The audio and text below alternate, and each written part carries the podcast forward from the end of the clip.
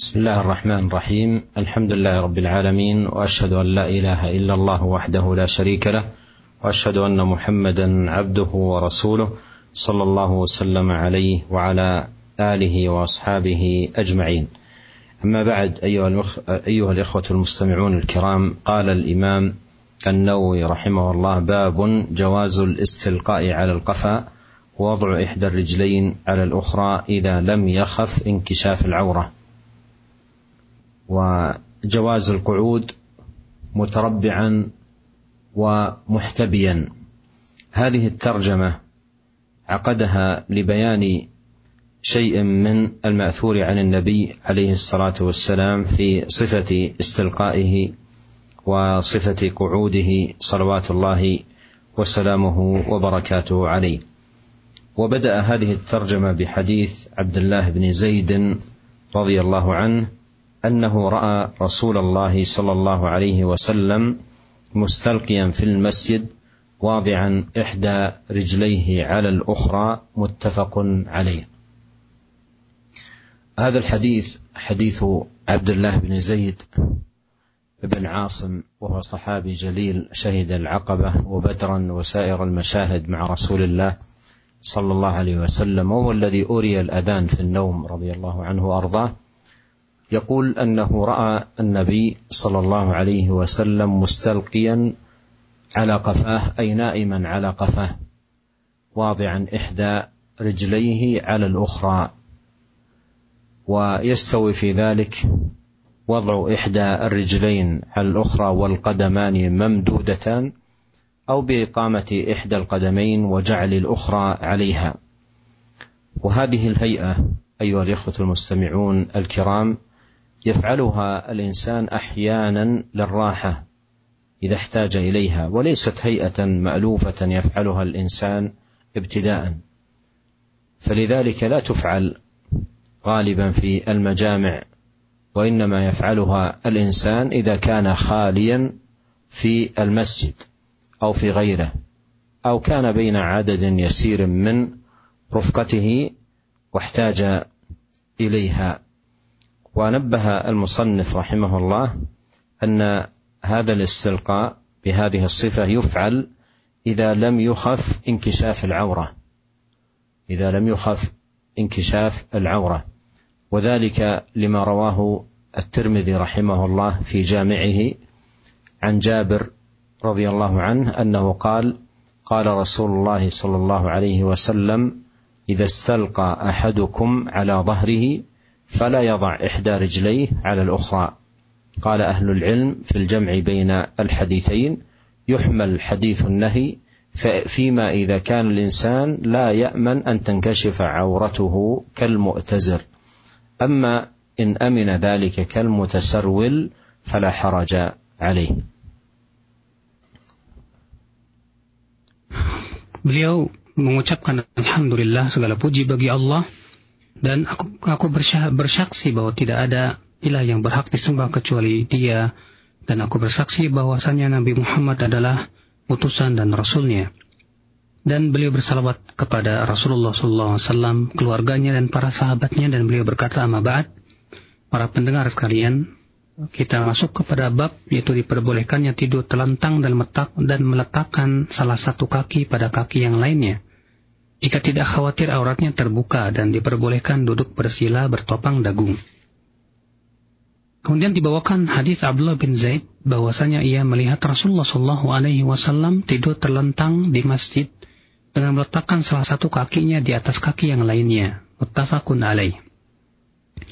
Abdullah bin, bin, bin Zaid ya bin Asim, salah seorang sahabat yang agung, ya, di mana beliau adalah orang salah seorang sahabat yang ikut dalam bayatul aqabah dan beliau juga yang pernah bermimpi yang kemudian disyariatkan adan karena mimpinya tersebut di dalam tidurnya. Artinya beliau melihat Rasulullah SAW mustalqiyan fil masjid.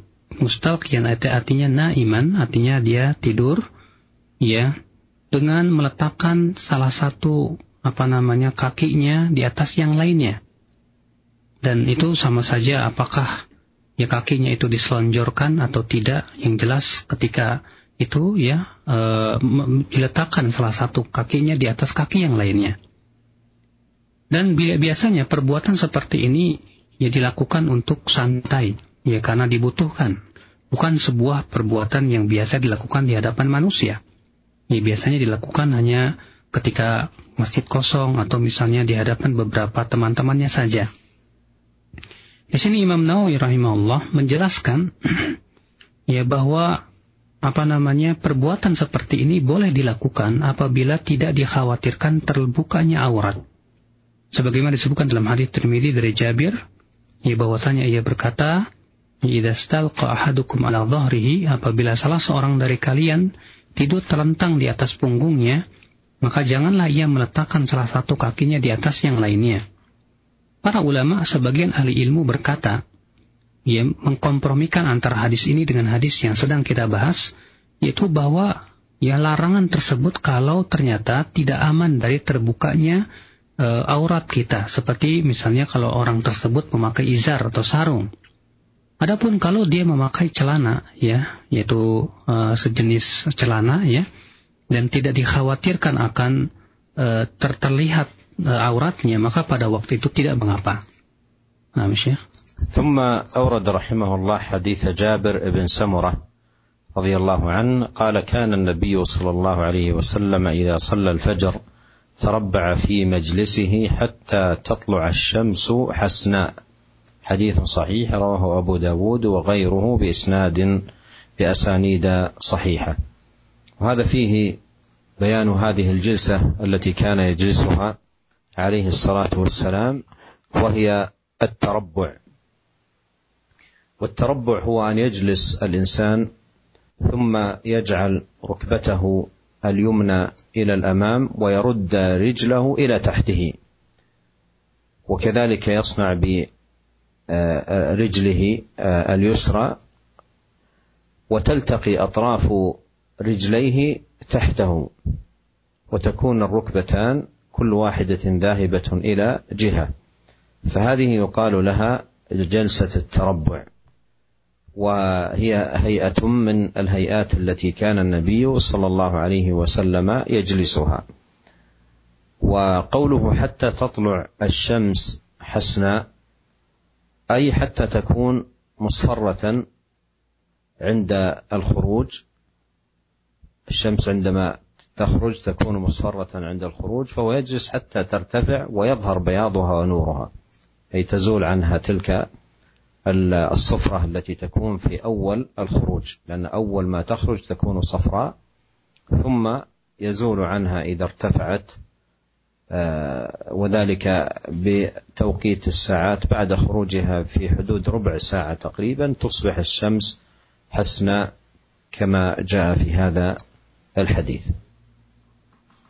Kemudian beliau membawakan hadis Jabir bin Samurah semoga Allah meridainya ia berkata Karena Nabi Shallallahu Alaihi Wasallam adalah Nabi Shallallahu Alaihi Wasallam. Ida salal fajr apabila telah salat fajar, tarabba fi majlisi hatta tatlu asyamsu hasna.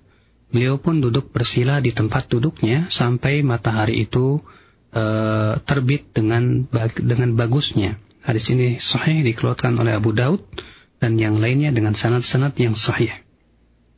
Hadis ini menjelaskan tentang tata cara duduk yang dilakukan oleh Rasulullah SAW yaitu duduk tarabu yaitu seseorang yang duduk dengan menjadikan dua lututnya di depan yaitu yang disebut dengan duduk bersila.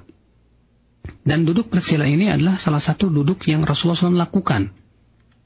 Adapun perkataannya hatta tatlu asyam suhasna ya sampai uh, matahari terbit dalam keadaan bagus artinya ya matahari tersebut ya tadinya terbit dalam keadaan uh, kuning, kemudian semakin tinggi maka menjadi menjadi keputihan dan hilang kekuningannya tersebut. Dan itulah yang dimaksud dengan hadis ya. Artinya bahwa Nabi Shallallahu alaihi wasallam duduk ya sampai matahari agak tinggi dan matahari terlihat bagus, ya, terlihat semuanya di mana e, diperkirakan kata beliau yaitu bahwa dari matahari muncul itu terbit sampai matahari terlihat bagus itu yaitu sekitar seper, seperempat jam ya jarak antara keduanya. Nah, Syekh. قال رحمه الله وعن ابن عمر رضي الله عنهما قال رايت رسول الله صلى الله عليه وسلم بفناء الكعبه محتبيا بيديه هكذا ووصف بيديه الاحتباء وهو القرفصاء رواه البخاري. قال وعن قيلة بنت مخرمة رضي الله عنها قالت رأيت النبي صلى الله عليه وسلم قاعد القرفصاء فلما رأيت رسول الله صلى الله عليه وسلم المتخشع في الجلسة أرعدت من الفرق. رواه أبو داود والترمذي. وهذان الحديثان حديث ابن عمر وحديث قيلة فيهما ذكر هذه الجلسة وهي الاحتباء آه، وأهل العلم ذكروا أن هذه الجلسة وهي الاحتباء وأيضا توصف بالقرفصاء. ذكر أهل العلم لهذه الجلسة صفتين. الأولى أن يجلس الرجل على إليته ويضم فخذيه إلى بطنه ويشدهما بيده. وصفت بهذه الصفة لأن الجسم يتقرفص أي يتجمع وينضم بعضه إلى بعض. وهذه الصفة يقال لها أيضا الاحتباء. الصفة الثانية أن يجلس معتمدا على ركبتيه كجلسة التشهد ثم يلصق بطنه على فخذيه ويجعل يديه تحت إبطيه. وقول قيله رضي الله عنها ارعدت من الفرق اي صاب اصابتني رعده من الفرق اي خوف من مهابه النبي الكريم صلوات الله وسلامه وبركاته عليه Kemudian beliau membawakan hadis Abdullah bin Umar. Dia berkata, aku melihat Rasulullah Shallallahu Alaihi Wasallam bifinail Ka'bah muhtabiyan biyadaihi hakada. Yaitu Rasulullah Wasallam, aku melihat Rasulullah SAW berada di beranda Ka'bah dalam keadaan duduk bertinggung dengan lutut terangkat ke atas seperti berjongkok. Dengan tangan beliau seperti ini. Dia menggambarkan cara duduk berlutut itu dengan tangannya yaitu duduk bertinggung. Itu al-kurfusa. Al-kurfusa. Dan dari Qailah binti Makhramah, semoga Allah meridainya, ia berkata, Aku melihat Nabi Shallallahu Alaihi Wasallam ia duduk dalam keadaan duduk al-kurfu al-kurfusa. Ya ketika aku melihat Rasulullah Shallallahu Alaihi Wasallam ia duduk dengan khusyuknya, aku merasa ketakutan. Ya, karena apa namanya kewibawaan Rasulullah Shallallahu Alaihi Wasallam. Dikeluarkan oleh Abu Daud dan At-Tirmidzi. Hadis dua hadis ini menunjukkan tentang uh, sifat atau tata cara duduk ini, yaitu yang disebut dengan duduk ihtiba. Dan para ulama menyebutkan ada dua sifat tentang makna ihtiba atau kurfuso ini. Yang pertama yaitu seseorang duduk di atas dua pantatnya, lalu ia memeluk uh, apa namanya dua pahanya, lalu mengikatnya. Disebut dengan kurfuso. Kenapa? Karena badannya itu ditempel menempel ya dengan kakinya satu sama lainnya. Adapun makna yang kedua, yaitu seseorang duduk dengan bersandar ya di atas dua tangannya seperti halnya dia duduk e, seperti duduk tasyahud. Ya di mana dia menjadikan dua tangannya tersebut ya di bawah dua e, ketiaknya.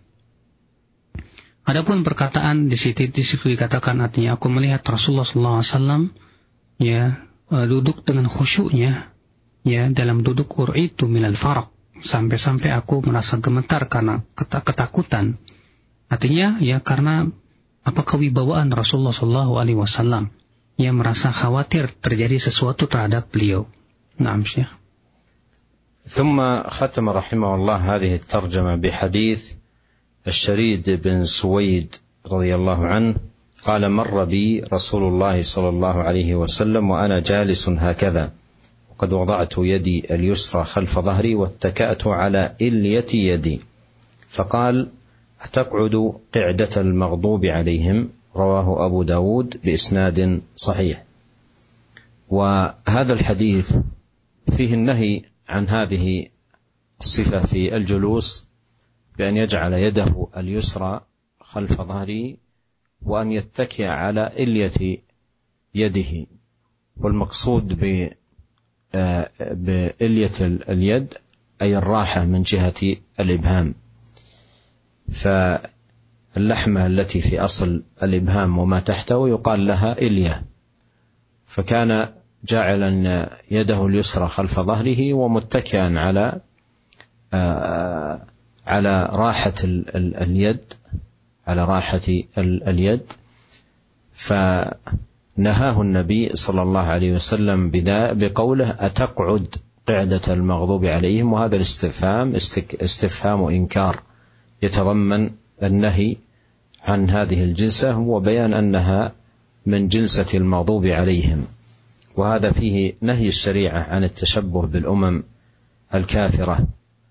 وإذا كان ينهى المسلم عن التشبه بهم في الجلسة فكيف بمن أخذ يتشبه بأعداء الدين في كثير من خصائصهم وصفاتهم والله المستعان Kemudian beliau membawa menutup uh, bab ini dengan hadis Syarib bin Suwaid semoga Allah meridhoinya ia berkata bahwa Rasulullah SAW pernah berjalan melewatiku kala itu aku sedang duduk ya dengan dengan keadaan seperti ini yaitu aku meletakkan tangan kiriku di, di belakang punggungku dan aku bersandar pada telapak tanganku maka beliau berkebersabda Mengapa kamu duduk seperti duduknya orang yang dimurkai oleh Allah? Diriwayatkan oleh Abu Daud dengan sanad yang sahih.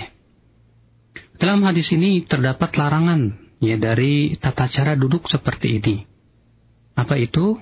Yaitu dengan meletakkan tangan kiri di belakang punggung, lalu bersandar di atas telapak tangan, ya, di atas uh, apa namanya daging yang ada di bawah telapak tangan kita. Kemudian ya beliau berkata bahwa yang dimaksud dengan ilyatul yad artinya daging yang ada di bawah uh, telapak tangan terutama yaitu daging yang ada di bawah jempolnya. Ini disebut dengan ilyatul yad. Nah, di sini Nabi Shallallahu alaihi wasallam melarang seseorang duduk dengan seperti ini. Dan Nabi Shallallahu alaihi wasallam bersabda kepada sahabat tadi, "Ataqudu qi'datal maghdub alaihim?" Di mana pertanyaan di sini adalah istifham ingkari, artinya pertanyaan dalam rangka mengingkari, ya mengingkari tata cara duduk seperti itu. Ini menunjukkan juga kata beliau larangan ya syariat kita melarang untuk menyerupai ya kaum yang kafir. Ya apabila dalam tata cara duduk saja kita tidak diperbolehkan untuk menyerupai kaum yang kafir. Bagaimana dengan orang yang di zaman ini kata beliau ya yang menyerupai musuh-musuh agama dalam banyak sekali perkara-perkara kehidupannya. Nah, Syekh.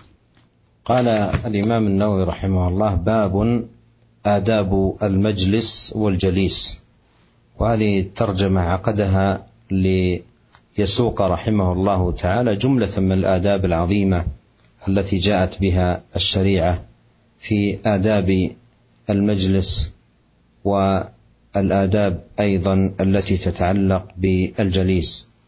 بدأها رحمه الله تعالى بحديث ابن عمر رضي الله عنهما قال قال رسول الله صلى الله عليه وسلم لا يقيمن أحدكم رجلا من مجلسه ثم يجلس فيه ولكن توسعوا وتفسحوا. وكان ابن عمر إذا قام له رجل من مجلسه لم يجلس فيه متفق عليه. وهذا فيه أن أدب الشريعة في المجالس أن يكون التوسعة وأن يفسح آه، الجلوس بعضهم لبعض. كما قال الله سبحانه وتعالى وإذا قيل لكم افسحوا يفسح الله لكم. ففي التفسح آه، معاونة الآخرين و مساعدة لهم ومحبة لجلوسهم. فيه سبب لهذا الأمر لأن الجزاء من جنس العمل فإذا فسح لإخوانه فسح الله له. وهذا فيه أن التفسح هو الذي ينبغي أن يكون في المجالس لا أن يقام بعض الناس عندما يأتي مثلا شخص أكبر منهم مكانه أو منزلة فيقيمون بعض الناس ويجلسونه مكانهم. فهذا ليس من هدي الإسلام وإنما الهدي في ذلك أن يتوسع الناس ويفسح بعضهم لبعض. ولهذا كان ابن عمر وهذا من تطبيقه للسنة إذا قام له رجل من مجلسه لم يجلس فيه وإنما كان يحب ما جاءت به السنة وهو التوسع والتفسح في المجالس. Kemudian kita masuk kepada bab tata krama duduk dan sikap terhadap teman duduk kita. Di sini beliau akan membawakan uh, beberapa adab yang berhubungan dengan tata krama duduk, ya. Demikian pula adab-adab yang berhubungan dengan teman duduk kita. Beliau memulai dengan hadis Abdullah bin Umar, semoga Allah meridhoinya, ia berkata, Rasulullah Shallallahu Alaihi Wasallam bersabda, "La yuqimanna ahadukum rajulan min majlisihi." Janganlah seseorang dari kalian membangunkan orang lain dari tempat duduknya, lalu ia duduk di tempat tersebut. Walakin tawassa'u wa tafassahu akan tetapi hendaklah kalian ya uh, saling memberikan keluasan dan kelapangan. Dan adalah Ibnu Umar apabila ada orang lain duduk mempersilahkan tempat duduknya untuk beliau, dia beliau tidak mau duduk di tempat tersebut muttafaqun alaih. Hadis ini kata beliau memberikan kepada kita adab syariat di dalam masalah apa tata krama duduk. Itu bahwasanya kita hendaklah berusaha ya untuk memberikan keluasan dan kelapangan kepada ya teman yang lain. Hal ini ya sepadan dengan firman Allah Subhanahu wa taala, "Wa idza qila lakum tafassahu fafsahu yafsahillahu lakum." Apabila dikatakan kepada kalian berilah kelapangan, untuk saudara kalian, maka hendaklah kalian memberikan kelapangan. Niscaya Allah akan berikan kepada kalian kelapangan. Di mana ia tak memberikan kelapangan dalam duduk, itu membantu orang lain, ya agar ia, ia bisa mendapatkan tempat duduk kepadanya. Dan tentunya itu akan menjadi sebab di mana ia akan diberikan oleh Allah kelapangan juga. Ya kenapa? Karena balasan sesuai dengan perbuatan tersebut. Dan e, tidak diperbolehkan kata beliau seseorang itu e, memberikan kelapangan dengan cara artinya seseorang membangunkan orang lain ya dari tempat duduknya kemudian dipersilahkan orang lain yang mungkin lebih tua misalnya untuk duduk di situ. Atau misalnya orang tua ya menyuruh si yang yang lebih muda untuk bangun dari tempat duduknya lalu ia pun duduk di tempat tersebut. Hal seperti ini tidak diperbolehkan dalam syariat kita kata beliau. Akan tetapi hendaklah mereka bergeser dan memberikan kelapangan untuk, untuk mereka yang datang. Oleh karena itulah Abdullah bin Umar, ya beliau bagaimana mempraktikkan hadis ini. Beliau tidak suka apabila ada orang yang ya sengaja berdiri mempersilahkan tempat duduknya. Beliau tidak mau duduk di tempat duduk tersebut. Nah, Syekh. قال رحمه الله تعالى وعن ابي هريره رضي الله عنه ان رسول الله صلى الله عليه وسلم قال اذا قام احدكم من مجلس ثم رجع اليه فهو احق به رواه مسلم. وهذا فيه أن من آداب الشريعة مراعاة الأحق والأولى بالمجلس.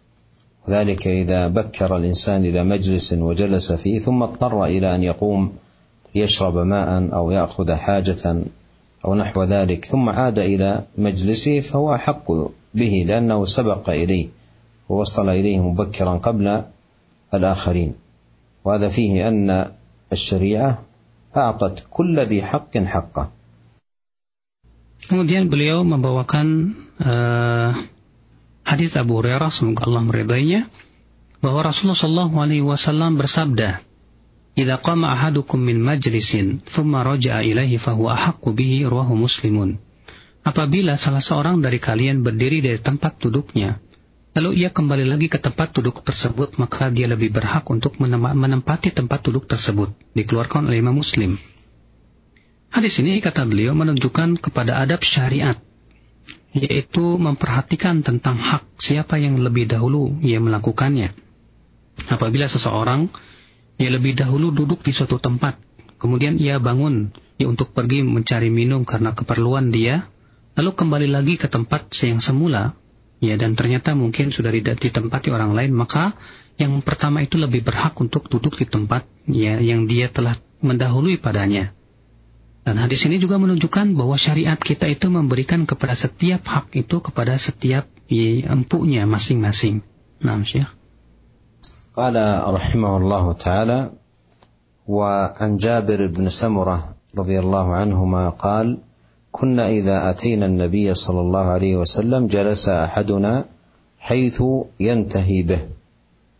أي حيث ينتهي به المجلس. رواه أبو داود والترمذي وقال حديث حسن. وهذا فيه أن من آداب الشريعة في المجالس أن يجلس الإنسان حيث ينتهي به المجلس. وذلك أن تملأ المجالس الأول فالأول ومن أهم ما يكون في ذلك مجالس أهل العلم فتملأ بالأقرب إلى العالم والمكان الذي يجلس فيه.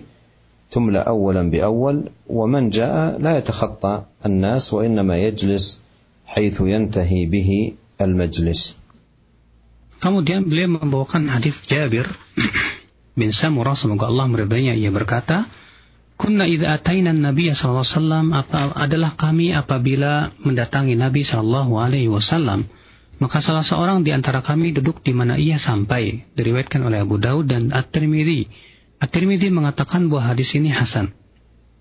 Hadis ini menunjukkan kata beliau uh, sebuah adab dalam masalah duduk yaitu hendaklah seseorang duduk ya di mana ia sampai yang de dengan cara bagaimana? Artinya kata beliau bahwa hendaknya majelis itu dipenuhi dulu di, dipenuhi dahulu ya dari dari depan kemudian ke belakang.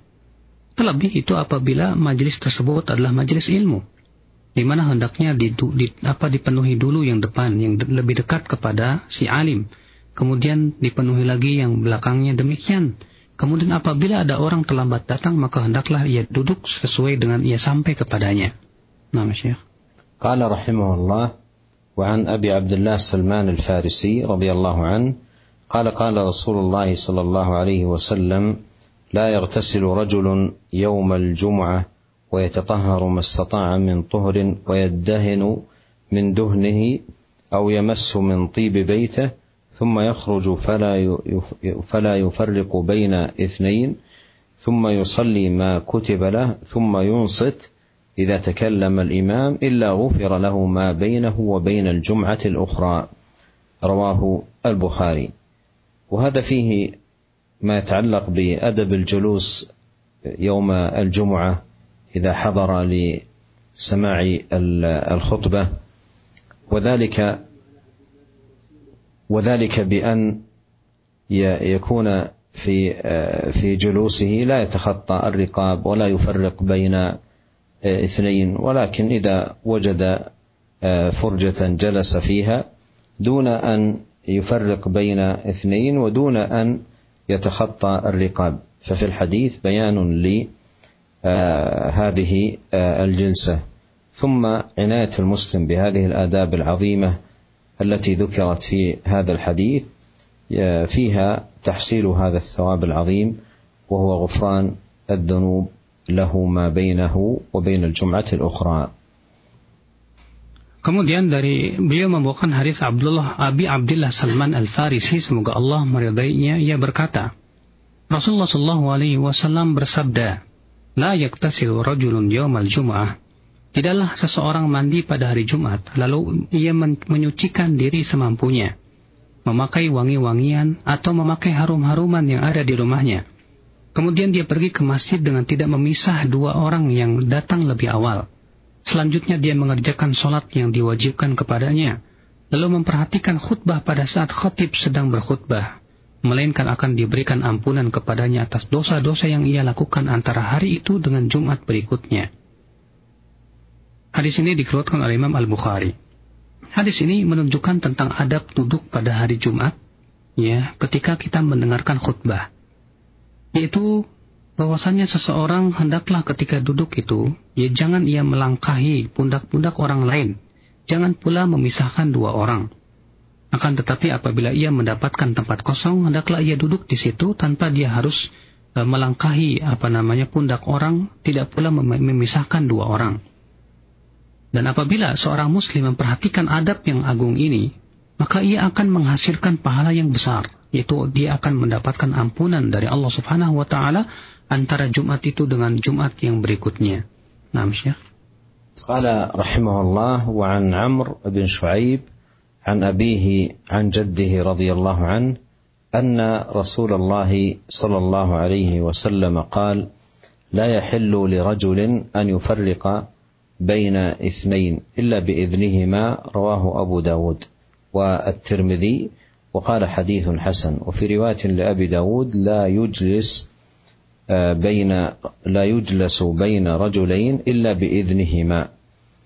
وهذا الحديث فيه النهي عن التفرقة بين اثنين آه، لأن جلوسهما متجاورين ربما يكون عن رغبة في تبادل بعض الأحاديث أو التشاور أو نحو ذلك. فإذا جلس بينهما حدث هذه التفرق التفرقة بينهما في أمر كان لا يرغبان فيه. والإذن يكون باللسان أو يكون بالفعل. كأن يشير إليه مثلا بالجلوس بينهما أو نحو ذلك فلا حرج حينئذ أن يجلس. وهذا فيه أن الواجب على المسلم أن يحترم مشاعر الجالسين ولا يضيق عليهم ولا يتسبب فيما فيه حرج لهم Kemudian beliau membawakan hadis uh, Amr bin Shu'aib dari ayahnya, dari kakeknya, bahwasanya Rasulullah SAW pernah bersabda, tidak diperbolehkan bagi seseorang untuk memisahkan dua orang kecuali dengan seizin keduanya. Diriwayatkan oleh Abu Daud dan At-Tirmidzi dan beliau mengatakan hadis ini hasan. Dan dalam riwayat Abu Daud disebutkan tidak diperbolehkan bagi seseorang duduk di antara dua orang kecuali dengan seizin keduanya. Hadis ini menunjukkan tidak diper, dilarangnya memisahkan dua orang yang sedang duduk karena mungkin saja mereka duduk sengaja berdua seperti itu karena ada sesuatu yang hendak mereka bicarakan atau mereka sedang bermusyawarah. Sehingga ya ketika ia duduk di tempat tersebut dan memisahkan akhirnya menjadikan kedua orang tersebut ya tidak menyukainya. Dan tentunya ya meminta izin kepada keduanya bisa dengan lisan, bisa juga dengan perbuatan, ya dengan memperlihatkan ya apa menggerakkan tangannya atau yang lainnya yang menunjukkan kepada permintaan izin dari keduanya. Hadis ini juga menunjukkan bahwa kewajiban seorang muslim yaitu untuk menghormati perasaan orang-orang yang sedang duduk ya dan agar tidak melakukan perkara-perkara yang menyebabkan akhirnya orang lain tidak ya menyukainya. Qala rahimahullahu taala وعن حذيفة بن اليمان رضي الله عنه أن رسول الله صلى الله عليه وسلم لعن من جلس وسط الحلقة. رواه أبو داود بإسناد حسن. وروى الترمذي عن أبي مجلز أن رجلا قعد وسط حلقة فقال حذيفة ملعون على لسان محمد صلى الله عليه وسلم أو لعنه الله على أو لعن الله على لسان محمد صلى الله عليه وسلم من جلس وسط الحلقة. قال الترمذي حديث حسن صحيح. وهذا فيه النهي عن هذه الجلسة أن يجلس وسط الحلقة. وهو محمول كما ذكر أهل العلم على آه، إحدى حالتين. إما أن يتخطى الرقاب وذلك فيه أذى للناس وإضرار بهم يتخطى الرقاب حتى يجلس في وسط آه، الحلقة.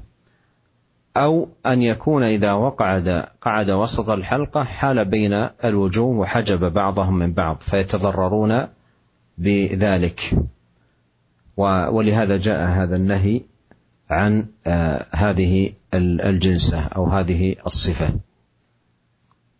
Kemudian beliau membawakan hadis Hudzaifah ibn Yaman semoga Allah meridainya bahwasanya Rasulullah Rasulullah Shallallahu alaihi wasallam melaknat orang yang duduk di tengah lingkaran atau halaqah Dikeluarkan Abu Daud dengan sanad Hasan dan diriwayatkan oleh At-Tirmidzi dari Abu Mijlaz bahwasanya ada seseorang yang duduk di tengah-tengah lingkaran.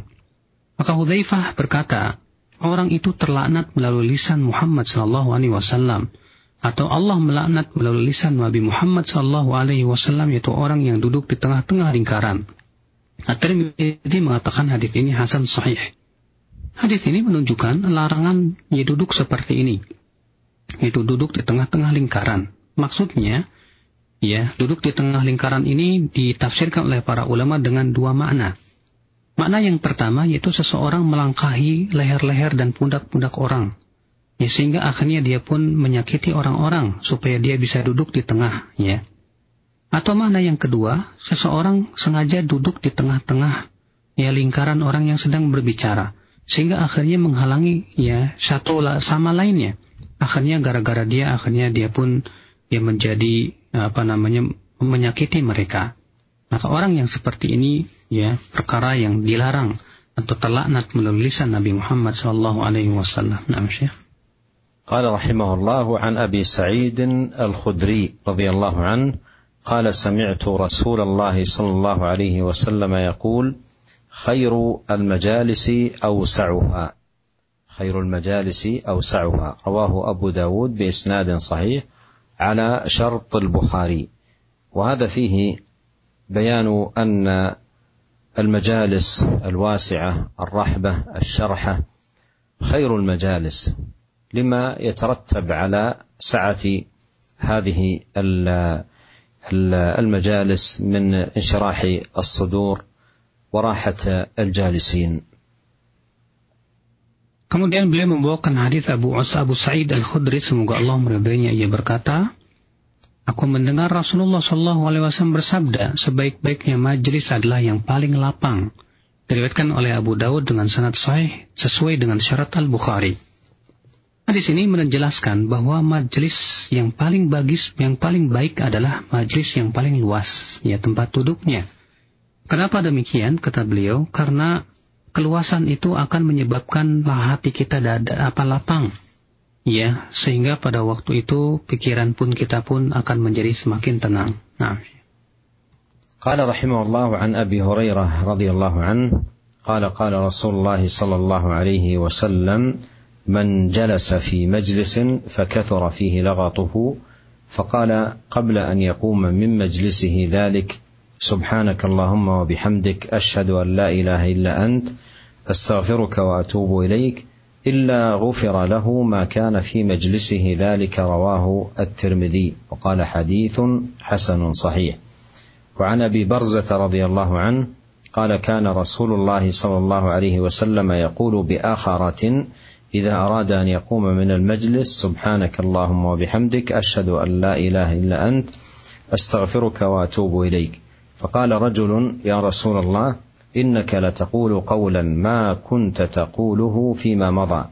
قال ذلك كفارة لما يكون في المجلس رواه أبو داود ورواه الحاكم أبو عبد الله في المستدرك من رواية عائشة رضي الله عنها وقال صحيح الإسناد ويؤجل الكلام على هذين الحديثين حديث أبي هريرة وحديث أبي برزة إلى لقائنا القادم وإنما رغبت أن يكون هذان الحديثان خاتمة لهذا المجلس وأسأل الله الكريم رب العرش العظيم أن يوفقنا أجمعين لكل خير وأن يهدينا إليه صراطا مستقيما إنه سميع الدعاء وهو أهل الرجاء وهو حسبنا ونعم الوكيل.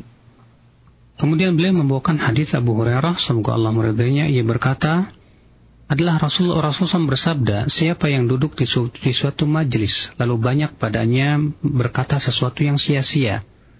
Lalu sebelum ia bangkit dari majelis tersebut mengucapkan doa Subhanakallahumma bihamdika asyhadu an la ilaha illa anta astaghfiruka wa atubu ilaika. Maha suci engkau ya Allah dengan memujimu. Aku bersaksi tidak ada ilah yang berhak disembah kecuali engkau. Aku memohon ampun kepadamu dan aku bertobat kepadamu. Kecuali akan diampuni untuknya apa yang terjadi di majlisnya tersebut. Diriwayatkan oleh Tirmidzi dan Tirmidzi berkata hadis ini hasan sahih. Dan dari Abu Barzah, semoga Allah meridainya, ia berkata, adalah Rasulullah Wasallam di akhir majlisnya berucap apabila ya seseorang dari kalian uh, di akhir uh, urusannya beliau berkata, apabila salah seorang dari kalian yaitu uh, apabila beliau hendak berdiri dari majlisnya dia mengucapkan ya di akhir apa namanya majlis majlisnya tersebut subhanakallahumma bihamdika asyhadu an la ilaha illa anta astaghfiruka wa atubu ilaik. Lalu ada seseorang berkata, "Wahai Rasulullah, engkau mengucapkan suatu ucapan yang tidak pernah engkau ucapkan sebelum ini." Ya Rasulullah bersabda, itu adalah sebagai penebus dosa-dosa yang ada di dalam majlis, dikeluarkan Abu Daud. Dan pembicaraan tentang hadis ini kita uh, akhirkan untuk, untuk pertemuan yang akan datang kata beliau dan saya sengaja menutup dengan apa namanya dua hadis ini untuk menutup majelis kita ini. Kita mohon kepada Allah Subhanahu wa taala agar diberikan taufik kepada segala kebaikan dan, dan agar Allah memberikan hidayah kepada jalan yang lurus. Sesungguhnya Allah Maha mendengar doa hamba-hambanya.